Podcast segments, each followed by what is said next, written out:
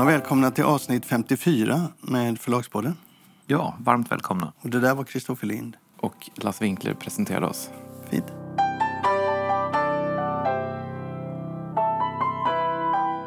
Vi ska nu prata om eh, varför bokförsäljningen går ner. Du ringde mig och sa att du hade, haft, du hade träffat några ska man säga, vänner eller bekanta på stan. Och så hade du fått en idé. Ja. du, vill, du vill inte säga mer för, jag, för att vi inte skulle förstöra Nej, samtalet. eh, det var lite av en aha-upplevelse faktiskt. Okej? Jag eh, promenerade till jobbet och när jag hade kommit till Vasabron så träffade jag Åsa och Thomas Kidelius som driver Drottninggatans bok och bild. Och då började jag prata med dem lite En grann. bokhandel alltså? Ja, en bokhandel på Drottninggatan i Stockholm. Och eh, som för övrigt eh, Åsas pappa Birger en gång i tiden startade och som under många, många år varit den mest lönsamma i Sverige. Ja, Jag tror den, att den låg fortfarande eh, i topp i den här bokhandelsstatistiken som eh, Svensk Bokhandel varje år sammanställer. Men då började vi prata lite grann med varandra. Eh, jag har inte sett dem på ett tag och eh, jag frågade hur det gick och sådär. Och de sa att Nej, men vi känner ju av en, en ganska kraftig nedgång. Men liksom, vi kämpar på det går ganska bra ändå och sådär. Och då så berättade de att och då pratade vi lite grann om streamingtjänster och såna här saker. Och de eh, trodde inte alls att det här hade med streamingtjänster att göra. De ställde sig rätt tveksamma till kanalförskjutningen som förklaring till bokhandelns problem. Utan de menade snarare på att nej, de trodde att det här beror helt enkelt på att folk läser mindre. Och jag tyckte det var en sån chockerande sak att säga. För om, om, vanligtvis om en, om, om en försäljning av en viss vara minskar, Coca-Cola-försäljningen går ner, så beror det självklart på att folk dricker mindre Coca-Cola. Om glassförsäljningen går ner, då äter folk mindre glass. Men här ser vi bokförsäljning som går ner. Ingen av oss har sagt ja men det är klart att den går ner för att folk läser mindre. Utan vi, liksom, vi talar om kanalförskjutningen, vi talar om andra saker. Och vi har tidigare talat om att eh, man tittar på de här läsbarometern och den kom nu, mediebarometern, den kom precis här för några dagar sedan och jag har tittat på den. Och där kan man också se att läsningen ligger oerhört stabilt. Den har till och med ökat lite de senaste åren i Sverige. Så att vi har, liksom, vi har en uppfattning om att det faktiskt inte är så att folk läser mindre. Men tänk om Chidelius har rätt. Det är så enkelt. jag är övertygad om att de har rätt. Och de berättar också att det, det händer dem. De, de sa att nästan varje dag så hör de folk i bokhandeln. Alltså de lyssnar ju på vad folk säger. Det här är sånt som är intressant. För, för som förläggare så kommer man ju aldrig i kontakt med bokköparna direkt. Eh, och de hör, hör då diskussioner i bokhandeln där folk pratar. Exempelvis två väninnor och säger den ena så här. Åh, vad länge sedan det var jag var inne i en bokhandel. Åh, vilken lust jag får att börja läsa igen. Jag har ju inte läst. För, förr i tiden så läste man ju jämt. Man hade ju en bok på nattduksbordet. Men nu för tiden så ja, det blir ju inte av. Och de sa att de, den typen av samtal hör de varje, var, varje vecka, var och varannan dag. Men jag, du vet, jag, jag gillar inte den här eh, mediebarometern. Jag tror att den är för trubbigt, eh, eh, ett, för trubbigt instrument. Och när de hela tiden säger att det är liksom hunky-dory, allting är bra, så tror jag dem inte. Därför jag upplever ju, och jag rör mig i en väldigt mediecentrerad värld, så jag upplever ju de här förändringarna konkret som anekdotiska bevis, inte som eh, vetenskapligt undersökta. Men det var exakt detta som den tyska eh, bokhandlarföreningen och, och förläggarföreningen konstaterade i sin stora, ut- uh, stora undersökning som jag pratade om i höstas. Eh, och den har de gått vidare med nu. De konstaterar att de har tappat 6 miljoner läsare över ett antal år. Och när de gick på djupet så ställde de helt nya frågor. Och då får de helt andra svar. Och de inser att de måste helt byta strategi för att placera boken i centrum i det kulturella samtalet igen. Och det där måste komma till Sverige. Och det, Vad- pratar, det pratar vi om i Norge också. Ja, den här mediebarometern den görs ju av någon institution på Göteborgs universitet i samarbete med Stora Svenska Medier. Och eh, den är alltså världens äldsta och mest omfattande media, alltså undersökning av människors medievanor. Jag tänkte bara att jag kunde berätta lite grann om vad de här mediebarometern säger. Och bland annat så mäter de då hur stor andel av befolkningen 9-79 år som använder olika medier en genomsnittlig dag. Och man har då mätt från 1979 till 2018. Och när man började 1979 så var det 29 procent av befolkningen som eh, en genomsnittlig dag kom i kontakt med en bok eller läste en bok. Och sen så har det där legat ganska konstant kring liksom 30. går upp lite, går ner lite. Sen händer någonting 1995, hoppar upp till 44. Och sen ligger det kring 38, 37, 38, 36, 36. Det går ner till 34 2012. Då börjar man också inkludera ljud. Så då, då skiljer man på, på papper och på ljudbok. Och sen 2018 så låg det på 39, 39 procent av befolkningen. Och då är det 6 procent av dem är ljudbok och 3 procent är e-bok. Så det är 32 procent bok på papper. Men det är fortfarande mer, även exklusive ljudet, så är det mer än 1979. Alltså jag ifrågasätter de siffrorna starkt. Alltså, idag finns det väl strax under en halv miljon prenumeranter på någon av ljudbokstjänsterna på en befolkning på 10 miljoner. Ja, det är ju väldigt konstigt att det är bara 6 procent här. Fast å andra sidan, 6 procent av 10 miljoner är ju 600 000. Vad man ska komma ihåg här är att det här är... Det finns även statistik på vad man har fått tag i boken. Mm. Och en förvånansvärt hög procent, jag tror att det är uppåt 30, har lånat den på bibliotek. Så att det, här, det här är ju inte likhet. Det finns inget likhetstecken mellan att man läser varje dag och att man köper böcker. Alltså det, kan, det kan i teorin vara så att läsningen går upp men försäljningen går ner. Det är inte omöjligt. Men sett över tid, om man drar ut den här kurvan, så tycker jag att den inger optimism i sin stabilitet. Ja, fast jag, jag tror ju inte på dem ändå. Alltså jag, jag har ju svårt för en sån kurva som... Du är lite grumpy idag. Ja, nej, men det är framförallt är det ju så att situationen har ju förändrat sig så extremt mycket. Här ju... ser du kurvan. Ja, men den ser likadan ut i alla, alla länder. Alla sitter och berömmer sig för att de har... Och det, det såg jag då i Oslo förra veckan. Alla berömmer sig för detta, att de har en hyfsat stor andel som läser. Och i en del länder är det så stort så undrar man, hallå, hur har ni ställt frågorna? Och... Men den tyska undersökningen visade ju en sak som inte kommer fram här. Det är att det där är egentligen det som borde vara en enkelt svar på en enkel fråga är ett svar som ofta påverkas av fördomar. Vi tror att vi läser mer än vad vi gör. Jo. Och det gick ju de igenom i den tyska undersökningen och hittade just de här situationerna. För de, de gick igenom konkret då för mm. ett antal människor. Så mm. oj, jag trodde jag läste mycket mer. Så att man ska nog fundera lite grann på de här sakerna. Inte, inte låta sig luras av det där utan titta på det på djupet och förstå vilka strategier man ska ta. Och där är jag ju väldigt förtjust i den här tyska undersökningen och deras synsätt på vad man ska göra. Då. Ja, det var egentligen var inte det här en diskussion kring mediebarometern i sig eh, utan det var, mer, det var mer bara en vi, vi, talar så mycket om kanalförskjutning men det kan ju faktiskt vara så att, att eh, försäljningen sjunker för att folk läser mindre. Ja, jag tror det. Och, eh, för, för, boken har inte den rollen och inte den placeringen i, sam, i, i offentligheten idag som den hade för mot, fem, sex Mot år den bakgrunden så tror jag ju också att även om det förekommer en viss, ett visst mått av kanalförskjutning så tror jag också att man ska, man ska, vara för, man ska inte betrakta tillväxten för streamingtjänsterna som något som står i direkt motsats till fysisk bokhandel eller fysisk försäljning. Därför att mycket av den konsumtion som sker i streamingtjänsterna är nog konsumtion som aldrig annars skulle blivit av. Så är det ju. Större delen är ju det. Så att den är väldigt positiv på det du sättet. tror, till och med du tror det alltså? Aha. För om, om du tror det, då, kan man, då, då, då är det ingen kanalförskjutning. Jo, den är liten. Ja. För det är så stor omfattning nu som lyssningen är. Så att jag tror att det finns en liten. Men jag kan inte svara för jag har inga vetenskapliga bevis. Men... Egentligen så, jag, jag tror att det finns en kanalförskjutning men att den är ganska liten. Att det mesta är liksom en utvidgning av marknaden och att hade vi inte haft de här streamingtjänsterna och de intäkterna så skulle det sett mycket sämre ut för de förlagen. Det är min absoluta uppfattning och känsla. Ja, det tror jag också. Eh, och, och, och sen så tror jag ju också att oavsett hur man om, om man landar i den slutsatsen eller inte så är det väldigt svårt att göra som i Norge, att man ska försöka förbjuda, eh, motverka, begränsa då den här tillväxten som är strukturell och driven av mänskligt beteende. Mm. Ja, man, man, man, är rädd. man är rädd. Men du, det är intressant det här, därför att nu har du och jag den uppfattningen, men inte den synen som vi har som är bestämmande i det offentliga samtalet det är ofta så den som kan sätta agendan, den kan också påverka frågeställningarna och lösningarna. Och just nu så är ju den allmänna uppfattningen att det är en kanalförskjutning som är kannibaliserande.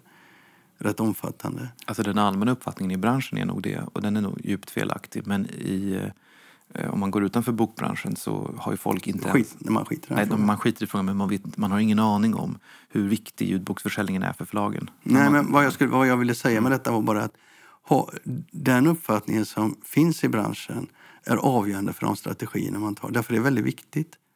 Så den synen som du och jag har eh, skulle ju kräva helt andra svar, strategiska positioner, än vad man idag har. Det är intressant. Mm. Jag tycker man ska gräva mer i det här för det kommer betyda väldigt mycket både för bokbranschen och för bokläsarna.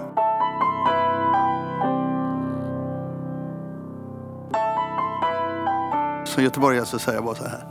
Nu får de kamma sig på Bonniers. Vad är det nu då? Man döper ett förlag till Ester Bonnier. Vad är det för fel på det?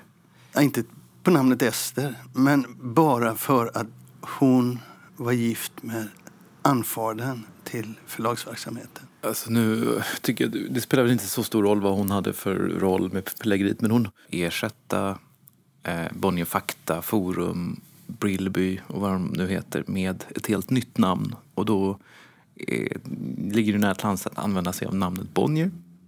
Och då letar man i det historiska arkivet och så hittar man namnet Ester. Det är väl inget konstigt. Det kan ju vara nästan, det kan ju vara Bonnier vad som helst. Det var faktiskt lika jävla välkammad som Bonniers hela PR-avdelning åstadkommit. Ingenting. Ja, hon har fött alla de här barnen. Ja, hon har varit del av en familj och stöttat mannen i arbete, säkert. Om jag minns rätt från eh, Per Gedins bok Litteraturens örtagårdsmästare så var hela familjen väldigt aktiva i förlagsverksamheten och jag tror att man satt hemma och läste korrektur och sådär. Så det är mycket möjligt att hon var mycket mer involverad i själva, själva bolagsverksamheten än vad vi, vad vi kanske föreställer oss. Men det tycker inte jag är särskilt relevant. Nej, Nej jag tycker att det är väldigt märkligt. Eh, Det är ju en feministisk eh, ska man säga, hommage till... eh, Ja men tidigare så har det varit bara Albert Bonnier och så nu blir det då Ester Bonnier. Varför inte? Ja, jag tycker det är för svagt. Vagt. Jag tycker inte det är tillräckligt med argument för att döpa ett förlag till Ester Bonnier. Jag tycker det är väldigt, väldigt vattengammalt. Vad ska de kalla det då? Jag fattar överhuvudtaget inte varför de släpper förlagsnamn som är så starka som Forum. En otroligt stolt tradition och väldigt välrenommerat. Det bara tar de bort. Ja, men det upplever jag också som ett ganska radikalt grepp.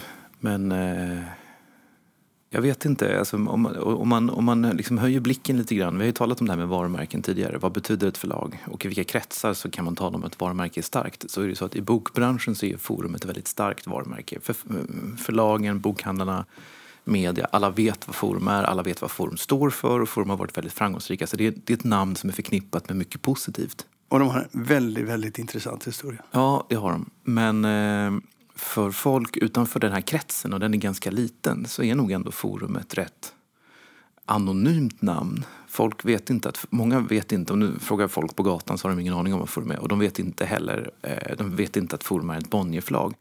Bonnier däremot har ett väldigt starkt eh, eh varumärke. Det är ett väldigt positivt förknippat, associerat ord. Så att det är nog roligare för författarna att säga till sina kompisar att de kommer ut på Est Bonnier eller på Bonnier än på Forum. Jag tror att det är så man har tänkt. Att, att bon, namnet Bonnier är så pass starkt så att eh, man vill ha det på den, på den utgivningen. Ja, jag, tyckte inte att det, jag tycker inte att det räcker. Jag tycker att man slaktar ett väldigt, väldigt eh, stark historia. Och eh, när man sen går ut och lanserar det på marknaden så säger man blaha ingenting. Man gör faktiskt det. Man säger ingenting. Vi kallar det Ester Bonnier därför att. Så jag gick ut på nätet och tittade lite och kollade Nej, på... Inte en annan kommentar? Inte en annan, enda annan kommentar. De har ju, en för, för, de har ju faktiskt en eh, kommunikationsavdelning som är väldigt, väldigt omfattande och åstadkommer så lite. Jag gick ut på Wikipedia först för att titta. Då. Och där kan de ju själva styra lite över innehållet. Men där finns ingen Ester Bonnier överhuvudtaget nämnd när det gäller förlagets historia. Nej, men jag tror inte att man har försökt... Alltså, hon, förlaget är inte döpt efter henne för att hon gjorde en sån stor insats för förlaget utan det är för att man har, hittat, man har letat efter ett kvinnligt namn i fam, familjearkivet. Jag, jag tycker det är väldigt vattenkammat och väldigt tillrättalagt. Jag tycker det är lite barnsligt faktiskt. Och ingen berättelse runt överhuvudtaget, ingen förklaring. Jag tror att jag förstår hur de har tänkt och eh, det är ganska logiskt. Men det visst är det synd när ett sånt anrikt förlag som Forum går i graven. Det tycker jag också. Men det gör det ju ändå kanske när man slår ihop hela den här organisationen. Mm, men när man ändå är inne på det där med Bonnier-bashing då, så, så kan vi ta en andra När förlaget. du ändå är inne på det. Ja, till skillnad från dig då. Mm. Så, så kan vi ta det andra förlaget som har kommit ut nu. Selling och Romanus. Ja, Det däremot tycker jag är mycket intressantare. det är intressant. Ja, för det säger något helt annat. Och inte heller det kommunicerar kommunikationsavdelningen ut. Det finns ingenting i deras eh, marknadsföring av det nya förlaget som överhuvudtaget är intressant. Det är helt glatt. Och jag förstår inte. Bonnier sitter alltså på den bästa informationsavdelningen i den svenska bokbranschen. Deras förmåga att skanna av den internationella marknaden och arbeta med fokusgrupper och göra analyser med otroliga djup. De sitter på den bästa kunskapen på marknaden i Sverige. Och de använder den bara internt. Men vad är det du vill komma till nu? Du, tycker jo. du är besviken för att deras pressmeddelande inte fått större genomslagskraft? Nej, jag är besviken för att de inte kan åstadkomma någonting mer än att presentera de här förlagen och så säga att det ska komma ut 15 böcker. Tjoho, det här ska bli lättfotat. Det är vad de har sagt. Ja, det är sant. Det, det, det, det, det är riktigt. Men vad handlar det egentligen om? Jag skulle tro att det handlar om att eh, det, alltså, ett förlag, man har ju, vi har tidigare talat om det här behovet av imprints och varför man har imprints. Det är ju väldigt vanligt i USA och England, mm. kanske framförallt i USA. Eh, att man ger en väldigt profilerad person på förlaget, en redaktör eller en förläggare, en egen lista att jobba med som får ett eget namn. Och det är ju ett sätt att förnya, eh, förnya sig i, inom en organisation, att ta vara på kompetens. Och här är det ju så, det är så att i höstas så höll de en längre genomgång av läget på förlaget. Och de konstaterar att vi är ett väldigt trögfotat, eh, långsamt förlag. Vi har svårt att konkurrera med de här snabba rörelserna på marknaden. Eh, de snabba erbjudandena och de eh, annorlunda böckerna. Så för att komma åt det lite så bestämde de sig för att göra något sånt här. Mm. De ville förändras och då var förlaget Selling och Romanus en, ett uttryck för detta. Det här är menat ska vara ett svar på deras svagheter. Med Selling och Romanus så ska de försöka erbjuda ett snabbfotat alternativ, ett mer eh, rörligt eh, förläggeri och samtidigt en väg ut ur en problematik som de har. Hur behåller vi våra förläggare? Så att de inte startar eget. Så det här är jätteintressant, mm. Selling och Romanus. Mm. Och jag vill veta mer hur de har tänkt. Och jag tycker, Nej, innan, du, innan ja, du kommer in, ska bara säga, jag tycker att den här samtalet om de här frågorna, det ska vi föra i branschen, eller det ska man föra i branschen. För det för branschen framåt, det gör det mer spännande och mycket mer intressant. För det här är det arbete runt förläggeri som borde komma ut och diskuteras. Ja, Absolut. Nej, men jag tror att det är rätt tänkt. Jag tror att det har goda förutsättningar att lyckas också. Men eh, när, när det dök upp den här nyheten i flödet på Facebook, i Svensk Bokhandel eller vad det var, så var ju min första tanke ytterligare ett Bonnier-avhopp. Mm. Eh, men det visade sig att det var ju inte det. Och det, det är naturligtvis frågan, även om de här, jag har ingen aning om de här förläggarna var på väg därifrån, jag tror inte det. Men även om de, hade, även om de inte hade varit det så handlar det ju om att man ska, ska vara en, liksom en attraktiv arbetsplats för de här människorna. Att de ska kunna få vara kreativa inom, inom den befintliga organisationen. Ja, och så, och så har de då identifierat ett problem inom Bonnierförlagen. Trögflyt, det är trögflytande, det, det är problematiska, det är byråkratiska. Och det tycker jag är väldigt bra, att en sån stor organisation tittar på sig själv och kan klara av att analysera sina svagheter och agera på dem. Så att för mig blir det jätteintressant att följa Selling och Romanus. Mm. Eh, se vilka titlar de jobbar med. Varför irriterar mig så mycket på Bonniers eh, PR-arbete runt det här? Därför att det är så fruktansvärt mesigt. Det kommunicerar inte med omvärlden. Det skapar inga tankar och idéer. Det bara sitter som en fet munk bara där och sätter sig på allting och säger så här är det. Men herregud vad grinigt. Nu får vi gå vidare. Ja, ja. men jag tycker faktiskt att de kan ja, skärpa sig. Ja, ja, ja, det tycker de alla.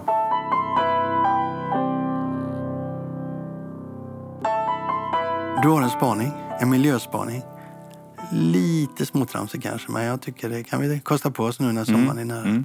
Vi är ju ganska miljömedvetna här i podden. Är vi? Yes. Hur som helst så eh, har jag tänkt en del på det här. Och kommit fram till att bokhandeln är ju otroligt miljövänlig. Hur då?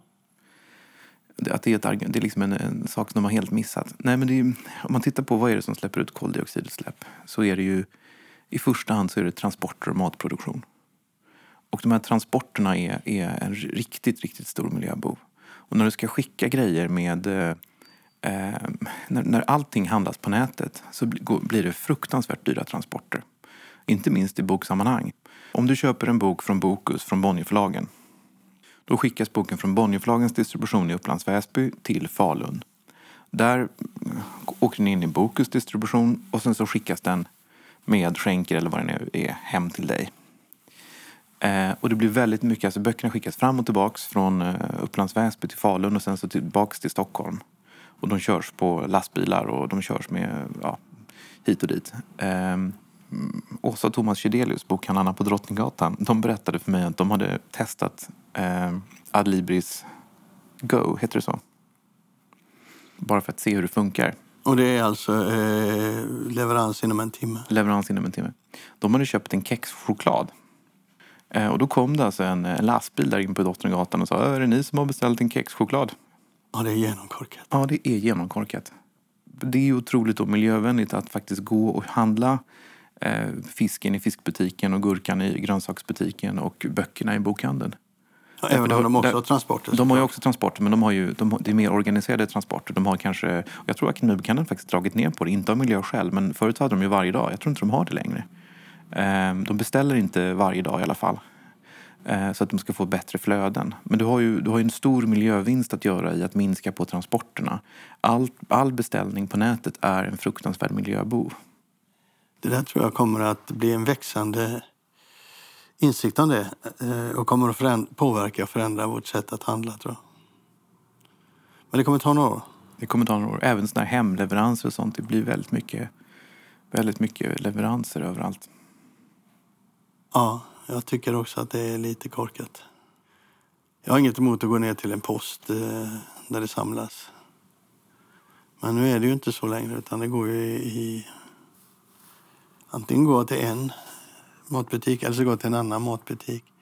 För ibland så kommer de ju upp och, och ringer på dörren och jag är inte mm. hemma då så levererar de till en matbutik. Ja, man kan också fråga sig vad det är för stadskärnor vi vill ha. Vill vi ha stadskärnor där det inte finns några butiker längre utan bara massa DHL-bilar som kör runt och levererar saker som folk har köpt på nätet? Det är ju rätt trist. Och sen har vi nu alla lärt oss också att eh, man kan sluta med upp med att använda tygkassar. Därför att? Har du missat det? Ja. Jo, men det har gjorts såna här undersökningar om, eh, om tygkassar och de är då fruktansvärt eh, förfärliga miljöbovar. Eh, du måste använda en tygkasse var 88 gånger för att den ska kompensera, eller för att, för, för att det ska liksom kompenseras mot en plastpåse. För en vanlig plastpåse, i synnerhet om den bränns, vilket det mesta görs i Stockholm, den liksom blir då energi och återvinns på det sättet. Och även om det är plast så har det inte, det har inte gått åt så väldigt mycket eh, koldioxid och sånt för att skapa den här plastpåsen. Men de här bomullstygpåsarna har odlats i Indien. I synnerhet den ekologiska är den värsta därför då har man tagit väldigt mycket vatten. Att odla bomull är otroligt eh, vattenkrävande. Eh, det gäller alla textilier. Alltså kläder är också väldigt stora miljöbovar. Eh, så om du, använder, om du köper en tygkasse så måste du nästan använda den tills den går, går upp i atomer. 88 gånger är inte särskilt mycket. Ja, jag tycker det är ganska mycket nog. Ja, men jag kan då, då vill jag ha till protokollet att mina tygpåsar är använda mer än 88 gånger. Ja. Jag tror, att, jag tror att jag och väldigt många här inne har otroligt många tygpåsar som ligger hemma någonstans som man aldrig har använt. Alltså så som man får. Ja, man, får man, man, får på mässor, man är på Daunt i London och så köper man böcker över 75 pund och då får man en sån Daunt väska som är jättefin. Ja, men eh, den har jag använt jag med, men hur många Daunt väskor kan du använda? Jag vet inte, jag har nog fyra. Ja, jag har nog faktiskt ingen just nu, men jag... Eh, alltså, inte, nu, nu blir jag ju plötsligt en miljöbov. Det är, inte, det är inte alltid så att det man tror är miljövänligt är miljövänligt. Men spaningen här är att bokhandeln är miljövänlig.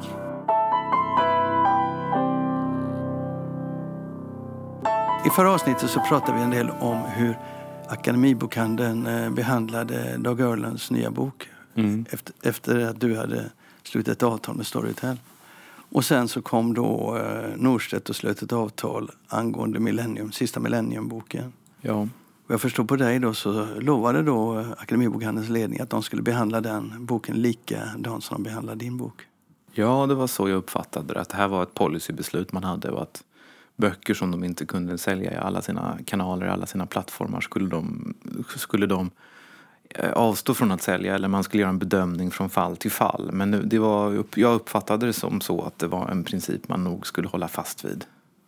Och eh, att det här inte var liksom, riktat mot ett litet oberoende förlag utan att man skulle behandla en bok från Bonniers och Norstedts på samma sätt. Ja. Vi har inte hört något. Det har varit tyst som i Sju institut. Ja, det har det varit. Jag hoppas ju att de kommer sälja Millennium, att de liksom sväljer stoltheten och säljer Millennium. För annars, det, det, vore, det skulle skada dem om de inte gjorde det helt enkelt. Mm. Men där är en intressant sak. för Vad kommer att hända på alla franchisebutikerna? De kommer sannolikt sälja den. Såklart att de kommer sälja den. De kommer sälja den oavsett vad Akademibokhandeln mm. säger.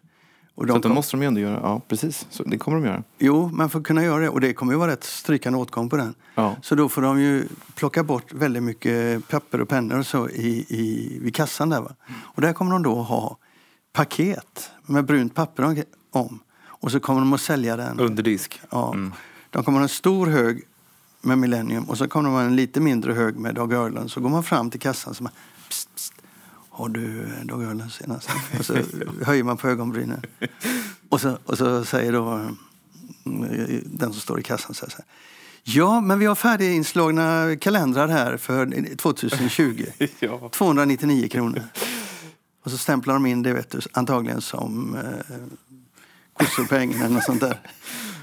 Ja, ett annat ja, ISBN och så. Det är en väldigt rolig bild. Så skulle, mycket, så skulle det kunna gå till. Kanske inte riktigt exakt så. Men, men självklart så kommer franchisetagarna sälja eh, Millennium. Det är jag helt övertygad om.